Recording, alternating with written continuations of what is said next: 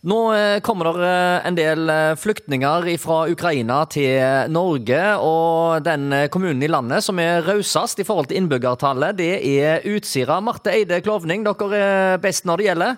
Ja, altså her gjelder det jo om at alle må, alle må trå til. Ja, Dere pleier jo å være best hver gang når det er innsamlingsaksjoner òg. Hva er det med Utsira? Nei, altså Den vurderingen vi har gjort i forhold til antall, det handler jo om at en er nødt til å bygge, bygge opp et apparat eh, rundt det å ta imot flyktninger uansett. Så eh, For oss så har vi tenkt at det eh, kan like så godt være 30 som 5. Og Da ønsker vi å bidra med den kapasiteten vi har. Og så tenker vi, har vi tenkt at det handler om at det kan være bra for de å være flere. Sånn at de har støtte i hverandre òg. Ja, hvordan er det på Utsira om dagen? Jeg forsto det sånn at det er noen tomme hus og litt forskjellig som en kan benytte seg av? Ja, nå kartlegger en jo eh, litt eh, nøyere hvor det er mulighet. Men det er både private initiativ og fra reiselivsnæringen som har, eh, har vært på banen og sagt at de har mulighet til å bosette de som kommer. Når en får litt flyktninger inn, så må en gjerne ha litt undervisningstilbud og litt forskjellig. Og en vet jo liksom ikke helt på forhånd hvor mange barn en får osv. Hvordan tenker du rundt det? Nei, altså Vi venter jo fremdeles på brev fra IMDi da, om å bosette folk. Altså Nå har vi sett på sida deres at det der ligger et antall ut ifra hva vi har sagt vi kan ta imot av maks. liksom. Eh, så venter vi på, liksom, konkret på at det faktisk eh, skal komme og det må gjøres et vedtak i kommunen. Så visst antall det vet vi jo egentlig ikke ennå.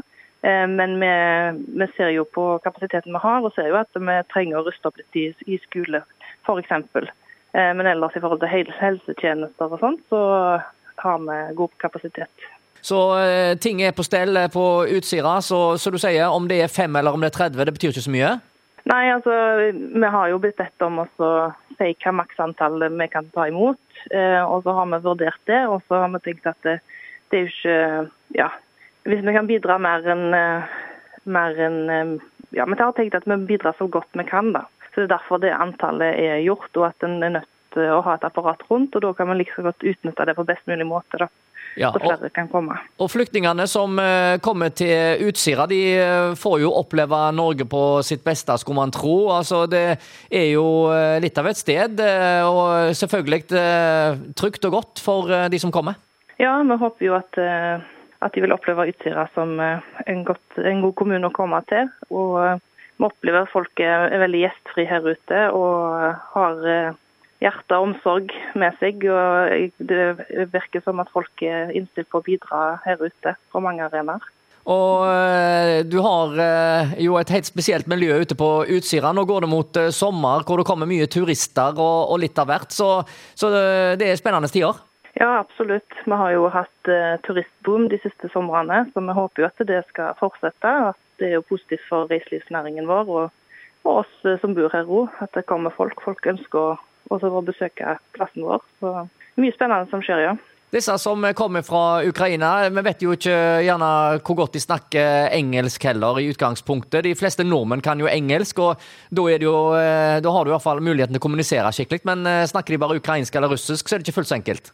Nei, det kan jo bli en utfordring. Da, så da er en jo avhengig av tolketjenester, eller eh, at noen kjenner noen som kan forstå russisk. Jeg har allerede hørt om flere som har sigøynere eller eh, ja, noen som bor her ute som eh, forstår russisk. Så ja. vi skal nok lese det opp på et vis. Og I verste fall så har vi jo Google Translate og litt sånn forskjellig som vi kan bruke.